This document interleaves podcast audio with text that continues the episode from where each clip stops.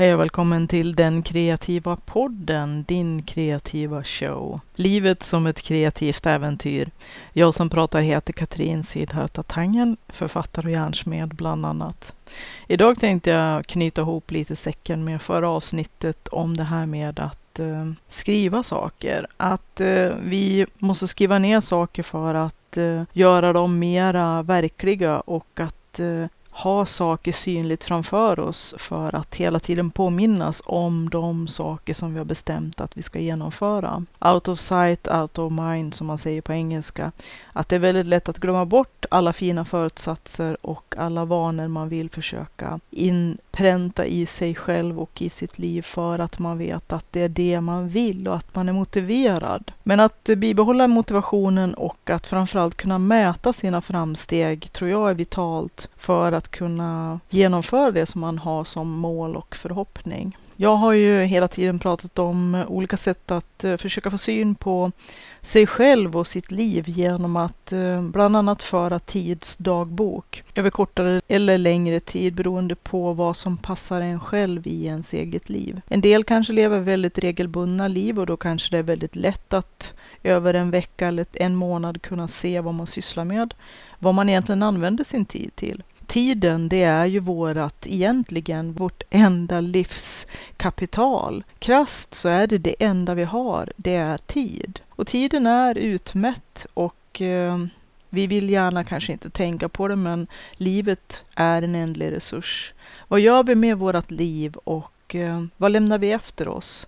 Och hur vill vi leva våra liv för att må så bra som möjligt och få ut så mycket som möjligt av det och kunna känna att vi är i balans med oss själva och med dem som är runt omkring oss. Det är ju lätt att säga, lite svårare i praktiken, men jag tror att eh, där kommer ju det här med att skaffa sig en tydlig bild av sig själv, sin tid och sitt liv, sina omgivningar och eh, vad man gör med sina resurser. Det här med att sätta på pränt är någonting som eh, jag har förespråkat lite här och där i den här podden och nu då senast i sista avsnittet här eh, när jag pratade om att fasa in och fasa ut.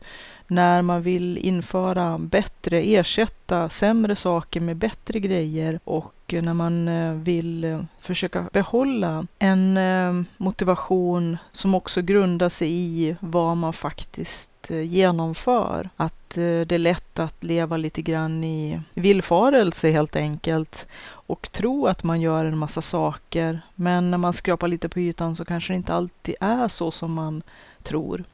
Och ett bra sätt att försöka hela tiden följa sin egen eh, progress, alltså hur bra man eh, möter sina egna mål och hur bra man jobbar med det som man har förutsatt sig. Inte bara i villfarelse alltså, och inte bara i mer eller mindre intelligenta gissningar om hur det egentligen går. Jag tycker att det är bra med mål som är mätbara, men att det här med att föra bok utan att bli eh, helt fanatisk kring det samtidigt. Att för mig är det ett viktigt medel i motivationen att se att jag faktiskt gör det som jag har tänkt och att jag kan följa mina egna framsteg steg för steg och att jag också verkligen mäter det jag gör så att jag vet att det inte bara är sånt jag lever i villfarelse kring att jag tror att jag håller på med. Men utan att bli för prestationsnojig och börja prestationspunda eller leva så pass resultatinriktat att man kanske blir totalt fokuserad kring saker som kanske också kan på sikt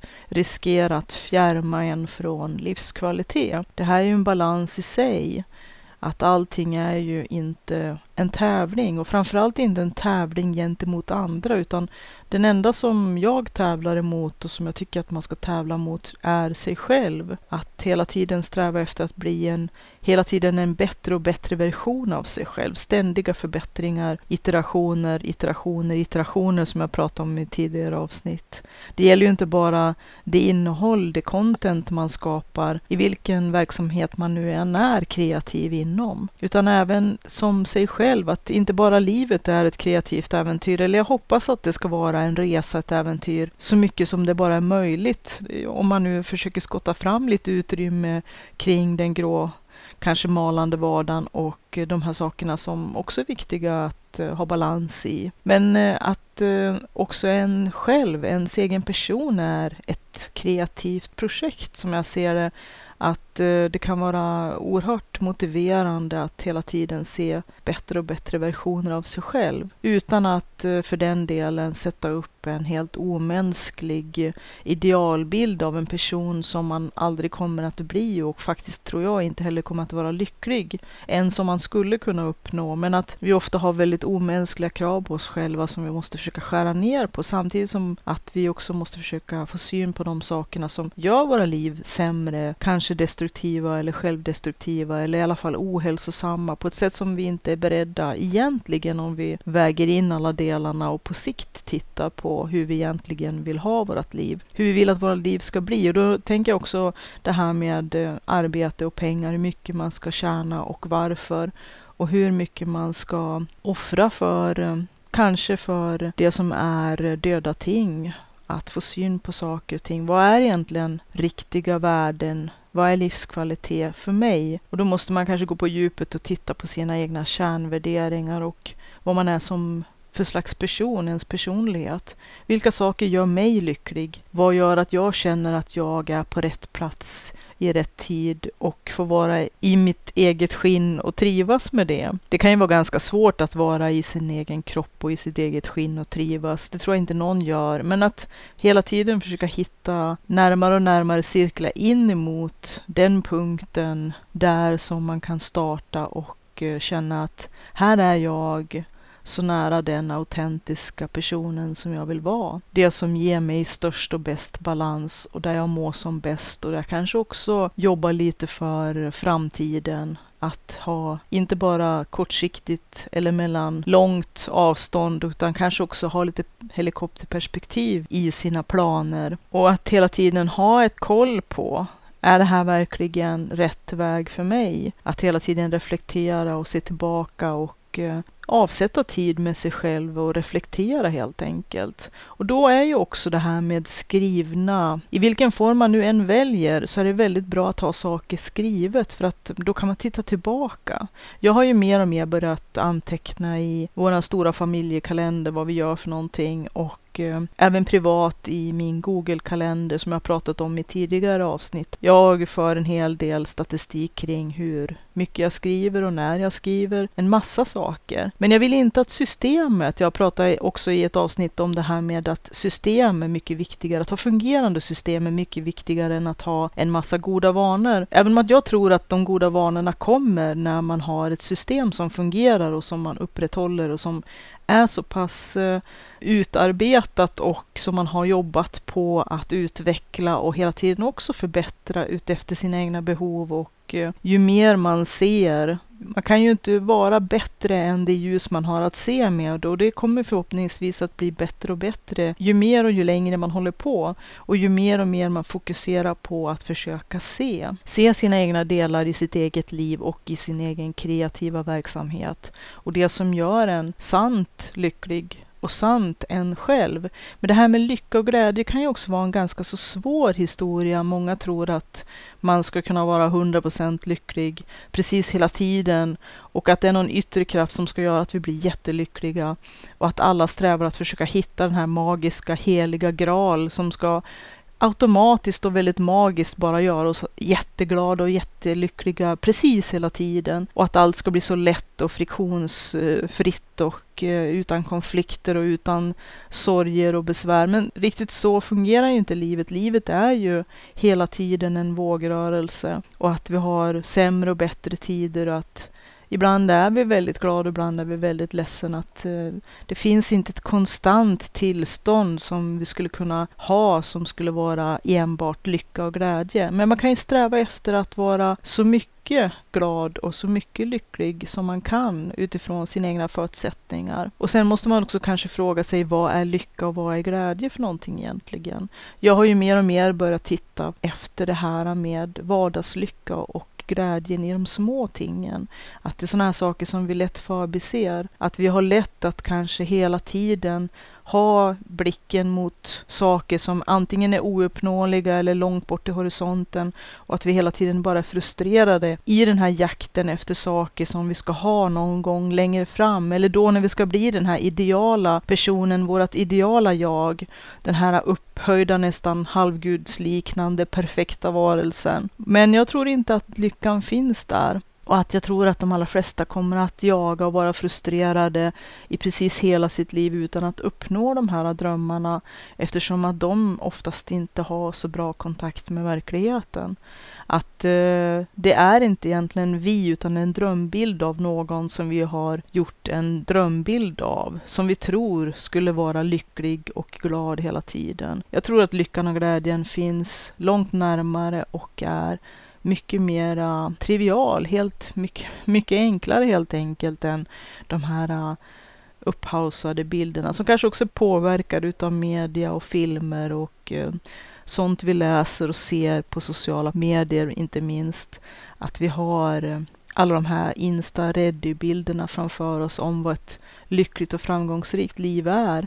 Det kanske inte ens är ett liv för oss, för att vi kanske bara köper de här drömbilderna utan att ifrågasätta ifall att det verkligen är, är det här jag? Är det här verkligen någonting som jag vill? Men jag tänker att ett steg på vägen kan ju vara att få syn på saker och att kunna väga och eh, se sina egna mönster. Jag pratar ganska mycket om det. Jag börjar ju mer och mer närma mig nu ett ett tänkt system. Jag har ju börjat arbeta på det och jag har arbetat på det väldigt länge. Jag pratar om det här att jag mätt tiden i över nu 84 veckor eller vad det är för någonting. För att få syn på vad jag sysslar med och varför. Och hur mycket jag ska göra utav varje sak som kanske jag har upplevt som oerhört viktiga och motiverande. Men också att hela tiden ha en blick på vad ger det mig och vad ger det för resultat? Igen vill jag liksom försöka arbeta mig bort ifrån det här resultatinriktade och prestationsnojiga och prestationspundandet. Att det blir väldigt lätt hela tiden också att prata om pengar. Vad är värt mycket? Då är det alltid pengar, pengar, pengar. Men att det inte alltid är där som kanske lyckan och glädjen och ett meningsfullt liv finns heller i sin helhet. Som jag har sagt förut, det här att kunna betala sin hyra och ha kläder på kroppen och mat i magen och känna sig hyggligt trygg. Det är absolut en livskvalitet och ett stort värde i livet. Men bortanför det så kanske det här som eh, man ska ha för att kunna bräcka grannarna kanske inte är det som egentligen gör oss lyckliga. När man får en grej som kanske är en stor investering eller en kapitalpryl som man har jobbat hårt för att få, som man har varit väldigt motiverad kring att skaffa, då kanske man upplever någon slags lycka när man uppnår det. Men det här med att hela tiden konsumera och shoppa sig lycklig, det tror jag väldigt lite på. Att vi kanske också blir lite påverkade av alla medias bilder och reklamen, inte minst om vad man ska göra, vad man ska ha och hur man ska se ut för att vara lycklig. Medan våra egna kärnvärden och vad vi egentligen behöver göra för att må bra finns någon annanstans, någon helt annanstans. Men det måste ju alla hitta sin egen väg fram till och eh, jag jobbar ganska hårt med min egen och har väl tagit en hel del principbeslut kring hur jag ska leva mitt liv och hur det ska se ut. Men det är ju en ongoing process. Det är en ongoing resa det är ju en process som eh, hela tiden pågår, som eh, aldrig kommer att ta slut, tänker jag. Och att vi också förändras som människor och att man kanske också måste anpassa sig själv och sin resa ut efter det. Att våra värderingar och behov och eh, vi kommer också att förändras utifrån det ljus vi har att se som jag hoppas ska bli bättre och bättre vartefter på vägen som vi kommer. Det här med att vi hela tiden arbetar mot att bli en bättre och bättre version av oss själva. Men det är bara en tävling med och mot oss själva, om det nu ens är en tävling. För egentligen handlar det ju om balansen att hitta till sig själv, till den som man vill vara för att må så bra som möjligt, så ofta som möjligt, så länge som möjligt. Att hitta den här balansen med livskvalitet, trivsel och må bra och att få vara en kreativ människa som är fri. Fri i tanken och fri i sitt utövande utav den typ av kreativa verksamheter eller kreativitet som gör just mig lycklig. Vad det än är för någonting. Och det kan ju skilja oerhört mycket. Och i vilken utsträckning som vi behöver ha det här för att också känna att vi mår bra och har ett fullödigt liv precis så som vi vill ha det. Men en del del i mina strävanden efter att dels få syn på vad jag använder min tid till och hur jag ska använda den och i vilken grad olika saker ska få ta plats i mitt liv och av min tid och av min energi. Så har jag använt, jag har pratat om det, jag använder Skrivener för att samla stora mängder information i mitt arbete, i mitt kreativa arbete. Och jag använder Evernote för att kunna fånga längre anteckningar som kanske är lite mer komplexa. Jag använder Keep, Google Keep-appen för att lista och för att kunna ha mina listor för saker jag inte vill tappa bort på vägen. När jag är ute i flänget, ute i vardagen, ute i verkligheten och mellan punkt A och mellan punkt B. Att ha det här nästa steget i varje del, att det finns då man kan ha olika listor och tagga olika listor och olika färger på olika listor. Och de här färgerna, de här taggarna, de här olika, om man ska kalla det för avdelningarna som jag försöker sortera in mitt liv i för att få lite mer struktur och få syn på saker och se mönstren lite bättre.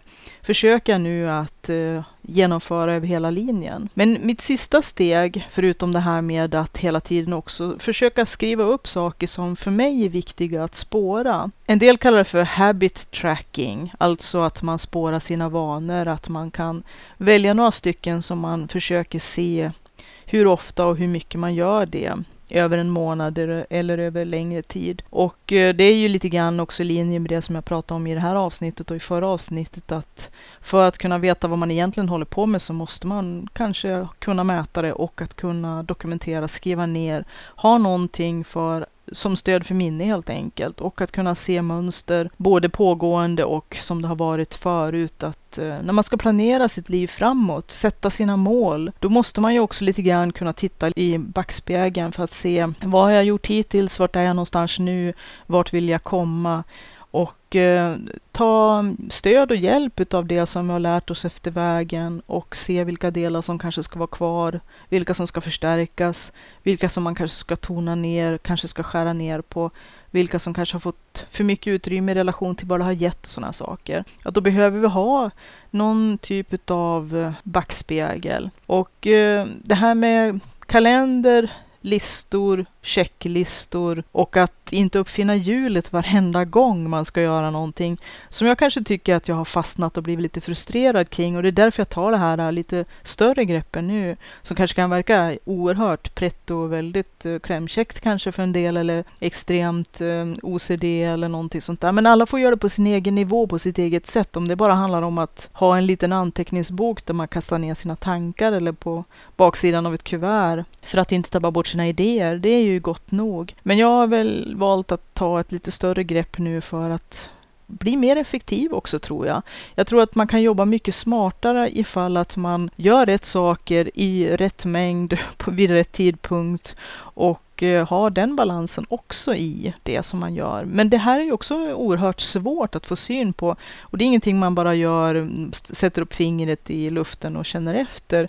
Det är klart man kan ju känna efter om saker och ting känns bra och det tycker jag också är bra att på något vis eh, dokumentera för att kunna titta tillbaka till när man ibland vill spåra vad egentligen får mig att må bra? När mår jag bra? Och eh, leta efter de tidpunkterna och kanske försöka ringa in och lära känna sig själv på det sättet också. Att vi är oftast väldigt negativt riktade på något sätt och jag har ju pratat om det också, att vårt sätt att vara hårdkodade, så som naturen har utvecklat oss för överlevnad, gör ju att vi är väldigt mycket mera benägna att se och registrera negativa saker, vilket jag tror ger en väldigt skev förskjutning utav vårt sätt att försöka hitta glädje och lycka eftersom att vi väldigt mycket är styrda och att eh, det oftast kan vara ganska negativt och att vi också är väldigt benägna att eh, sträva efter minsta motståndets lag. Det ligger i vår natur, för det handlar ju också om driftsekonomi som jag tror att evolutionärt är ju det inte en jättedum idé, men att om det blir för mycket styr oss så kan det bli en dålig sak. Och att vi också gör ganska mycket för att undvika smärta. Och det här med att undvika smärta är ju också en ganska sund sak. Att det vi blir rädd för eller saker som kroppen signalerar är obehagligt, det är oftast bra signaler att lyssna på. Och det har ju också många blivit väldigt dåliga på samtidigt. Att vi samtidigt som vi är, vi är väldigt duktiga på att undvika friktion, konflikter, att vi är väldigt rädslostyrda och undviker allt som vi tycker är otäckt och gör oss rädd. Och att vi också försöker undvika smärta i sån grad att vi till och med kanske på sikt gör större skada. Istället för att konfrontera omedelbar smärta så är det mycket lättare att fly undan. Och att i det spåret så är det också väldigt lätt att hemfalla till att sköta sig dåligt genom att eh, hela tiden leta efter sätt att bedöva sig, att distrahera sig, att eh, sysselsätta sig med saker som kanske i bästa fall inte är direkt destruktiva men som kanske inte leder någonstans heller. Att ständigt slösurfa och och eh, shoppa loss, att försöka hela tiden avskärma sig från kanske riktiga saker som är viktigare att göra med våra liv och med, med våran tid och vår energi. Så kanske vi lever lite grann i något slags limbo för att det är lite skräck och lite rädsla och lite otäckt och lite jobbigt att konfrontera sig själv och kanske sina livsval men också att ta tag i grejer som ju längre saker och ting får ligga och gro och ju högre de mentala murarna blir ju jobbigare blir det och det är lättare att börja prokrastinera på allvar och kanske hela tiden bara gå in för distraktion, underhållning och sånt som är ytliga nöjen för stunden. För att som sagt, vi undviker gärna smärta och vi kanske också undviker konflikter och friktion. Flyr lite grann till mans minsta motståndets lag. Men det kan ju också vara bra för syn på de här sakerna som är positiva. Istället för att hela tiden vara negativt styrda, att undvika rädsla, undvika smärta, undvika plåga, undvika jobbiga situationer. Försöka leta upp de positiva istället. Att vända hela evolutionsmyntet och och istället jobba mot plus. Istället för att hela tiden bara jagas utav att försöka fly och komma undan minus. Jaga plus istället. Jobba på vår egen plattform som jag brukar prata jättemycket om. Men att eh, varför inte försöka hitta de här sakerna som, som genuint gör oss glada och lyckliga och får oss i balans och får oss att må bra och som vi också känner finns en långsiktighet i göra kloka val helt enkelt. Och då tror jag att det här med att kartlägga sig själv och eh, gå i kanske lite djupare vatten med sig själv. Man behöver inte göra allt över en kväll, över en helg, för då kanske man tycker det blir för jobbigt. Men successivt kanske börja nagga lite här och nagga lite där på vem är jag, vad vill jag, vad håller jag på med, är det här bra för mig, har jag gjort bra val? Och att ha gjort val betyder inte att man måste fortsätta välja samma sak. Man kan faktiskt välja om. Det är okej okay att välja om. Det är okej okay att tycka att man kanske då, med det ljus man hade att se då med valde det här och det kändes som bäst just då, men det kanske inte är fortsatt bra för oss. Och som min man sa vid ett tillfälle och som jag biter mig fast jättemycket. Låt inte din historia bestämma din framtid. Det är oerhört bra ord faktiskt. Mycket klokt. Att eh, bara för att vi gjorde ett val tidigare så behöver det faktiskt inte fortsätta att styra vårt liv i negativ eller dålig riktning eller inte i en förbättrande riktning. Att det är väldigt lätt att bli kvar i en dålig sits bara för att vi är för rädd, det känns för jobbigt och att vi vet att det kommer att bli ett helsike, men sen när vi kommer ut på andra sidan kommer det att vara så värt det. Det är bara det att det är det här äh, stora motsättningen att uh, ha modet och att uh, bita ihop och uh, ta steget. Ofta så brukar man efteråt tänka, men gud, vad var det jag gjorde så stor sak av? För många gånger kanske vi gör mycket större sak av även lite mindre grejer som är bra förändringar i vårt liv. Att allting behöver inte vara revolutionärt eller rebelliskt eller, eller på något vis um, total anarki, utan man kan också göra stegvisa förändringar. Och jag tänkte idag prata lite grann om ett system som jag mer och mer börjar känna mig lite attraherad utav. Att eh, nu har jag gjort de förberedande, ganska grundliga undersökningarna och jag har system som är igång som jag vill naturligtvis förfina och förbättra men också framförallt förenkla. Och att eh, jag har tagit ett ganska så stort anslag för att verkligen eh, kartlägga och vara riktigt OCD-ig kanske. I alla fall väldigt ehm, fast, vad ska man säga, biter mig fast väldigt hårt i att eh, inte släppa taget för lätt utan nu ska jag vara grundlig och göra det här ordentligt. Och jag har faktiskt inte tröttnat heller, fastän att jag ibland tänker, men nu har det här spelat ut sin roll. Nu har jag varit så väldigt grundlig och nu har jag gjort det här under så himla lång tid, att nu borde jag kunna dra alla slutsatser och gå vidare. Och det kanske är dags att eh, gå vidare på det viset att nu så ska jag försöka göra mina system utefter det som jag har kommit fram till. Att eh, använda den kunskapen om mig själv och att Eh, förfina de system som kanske ska vara kvar, men kanske också i en mera avskalad och mera mm, direkt, mera effektiv form. Jag tror inte på att göra saker och ting på ett komplicerat sätt i onödan, för det tar för mycket tid och det är risk att när man har sämre tider kommer att komma att eh, släppa taget eller inte orka upprätthålla och så faller allting och så blir man jätteledsen och besviken och känner sig misslyckad och, och sådär. Så att jag, jag tycker att man ska se till att ha så enkla avskalade system som är lätta att upprätthålla och som är tydliga framför allt. Att eh, hellre ha väldigt enkla och eh, breda penseldrag först som man sen kan förfina utefter behov. Men också vara öppen för att de kan behöva modifieras, ändras, förbättras, tas bort att våra behov förändras vartefter. Att om man tar till exempel den här um, som många håller på med habit tracking. Jag pratar ju om det här med att kryssa kalendern och, och ha kedjor som man försöker att ha så långa som möjligt. Till exempel hur många dagar man skriver, att sätta ett kryss över varje dag man har skrivit, att inte bryta kedjan. Och att eh, när man har brutit kedjan så upptar den sen igen så fort som möjligt utan att göra någon stor sak av det. Men att hela tiden ha de här um, olika systemen för att spåra sina vanor och det man gör med sin tid. Och att habit tracking, det kan ju vara hemskt enkelt. Det kan ju vara en tabell med två, tre, fyra, kanske max fem eller sex saker som man vill göra löpande över varje dag eller varje vecka eller varannan dag.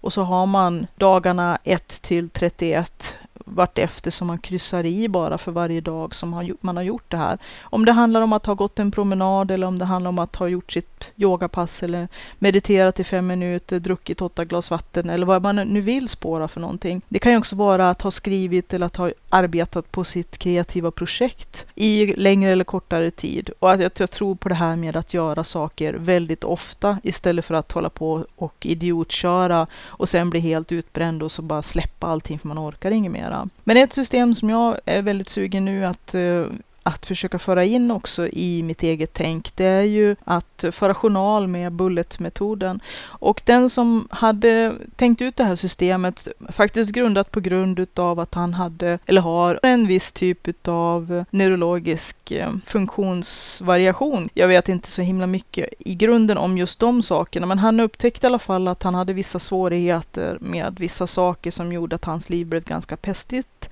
Och han heter Ryder Karol. Jag säger det precis som det stavas för att det ska bli lättare att hitta honom. Ryder Karol, R-Y-D-E-R C-A-R-R-O-L-L har skrivit en bok som, som heter just Bullet journalmetoden. Och det finns också hemsida och en massa Youtube-klipp som han har gjort. Och jag tycker att man ska börja med hans grundmetod. För att det finns, om man söker på Bullet journal eller bulletmetoden eller som de förkortade Bujo, B-U-J-O. På Youtube så får man ungefär en miljard träffar och då hamnar man bland en massa folk som har anpassat och utvecklat och eh, i många fall förskönat den här metoden utifrån sina egna behov och sina egna önskningar och sådär. Men att det är väldigt lätt att eh, tappa bort sig då och inte se skogen för alla trän. Och att just Ryder Carroll hans bok, hans Youtube och hans eh, sajt tycker jag är det allra bästa stället att starta. Framförallt eftersom att många som sysslar på Youtube med Bullet Journal, de har kanske många och det är inte fel och alla måste göra på sitt sätt och för många är det här oerhört eh, stor livskvalitet. Men de har kanske ägnat sig mera åt formen, konstformen att eh, föra journal och göra sina journaler så utarbetade och konstnärliga och vackra och dekorerade och det är massa glitter och, och sånt här. Men att jag är ute efter att använda den här metoden för att förbättra mitt liv och inte så mycket för att ha en väldigt överdekorerad vacker bok, även om att jag själv känner viss dragning till att hålla på med olika typer utav journaler för att kunna göra en massa roligt och fint och glittrigt pyssel och göra vackra saker. Jag är väldigt förtjust i vackra saker eftersom att jag håller på med smyckesdesign och smyckestillverkning naturligtvis. Men att jag tycker att det är viktigt att från början kanske lära sig själva grundtänket med den här bulletmetoden som jag tycker är så otroligt avskalad, vilket också var eller blev meningen med det här systemet just för Ryder Carroll, för att han behövde det här som ett väldigt bra hjälpmedel i, i sitt liv och i sin verksamhet. Jag tror att jag ska överlämna till honom själv, så kolla gärna hans videos, läs boken eh, eller böckerna som han har skrivit och Eh, kolla in sajten för att bilda en egen uppfattning där hans story finns som jag tycker är oerhört himla intressant och fin och väldigt bra och som faktiskt också kan vara väldigt tänkvärd.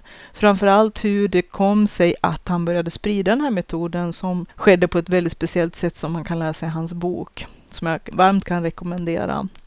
Men i alla fall, Bullet-metoden är väldigt avskalad i, sin, i sitt grundutförande hur den ser ut som bas. Och det är den här basen jag vill utgå ifrån. Och som jag har tänkt att jag ska, som det så vackert heter med ett fint ord, implementera i mina egna system. Nu ska jag skala av och ta bort de här äh, väldigt vidlyftiga eller i alla fall väldigt grundliga metoderna och bara ha kvar de delar som är effektiva på sikt eftersom att nu har jag ju fått syn på det som jag vill få syn på. Jag har kartlagt och eh, registrerat och dokumenterat allt som jag behöver veta.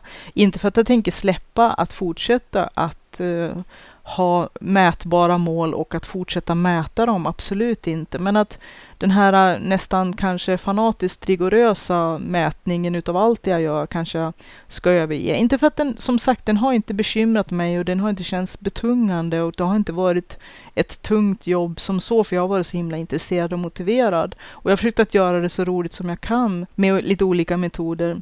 Så att det har varit ett utvecklingsarbete som jag har trivts med och som jag har gillat. Så att det har absolut inte varit så att nu är det nästan det svåra att sluta och hur ska jag sluta på för sätt och eh, nu måste jag börja fasa ut det här också för att knyta an till förra avsnittet, det här med att fasa in och fasa ut. Att ibland har system gjort det de ska, så då är det dags att fasa ur dem och att eh, istället fasa in nya system.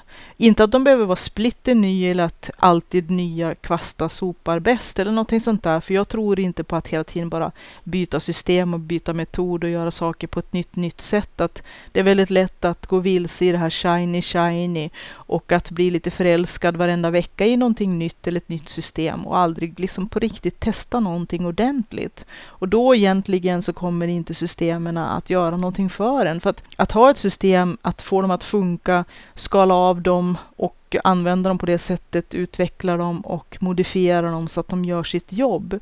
Det är ju också att de ska fortsätta användas för att fortsätta göra sitt jobb på sikt. Inte bara för att det var någonting kul, en kul grej, att man var lite inspirerad just den här veckan eller den här månaden.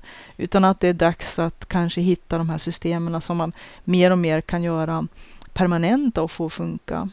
Men jag tänker i alla fall att Bulletjournalen kommer att bli någonting jag kommer att prata mer om i podden och jag kommer att försöka att eh, fasa ut mitt jättestora, eller mina stora system nu mot ett mycket mera, vad ska vi säga, ett mycket mera snabbt och smidigt djur istället för kanske den här stora kolossen som jag har nu som har jobbat och varit en riktigt, ja men en bra arbetsmaskin. Men att man kanske inte behöver ha ett, en, hel, en hel industri utan man kanske ska ha bara en enda motor som kan göra det här jobbet. Nu kan jag kanske fasa ut det här stora till någonting lite mera hanterbart och som kanske också går att ha med sig i fickan hela tiden. Ett mobilt system, ett ehm, helt och hållet genomtänkt fungerande system där alla bitarna finns med som jag vill ha med. Hoppas du har haft behållning av den här podden och lyssna gärna på de tidigare avsnitten. Du kan gå in på www.sidharta.se och se mina olika kreativa verksamheter. Där finns också en länk som heter bidra som man kan klicka på och eh, lite kontaktuppgifter och lite saker som man kan göra om man vill vara med och stödja den här podden. Jag som pratar heter Katrin Siddhartha Tangen, författare och hjärnsmed, Och det här avsnittet var avsnitt 110 av den kreativa podden Din kreativa show. Ha det gott och vi hörs igen. Lycka till!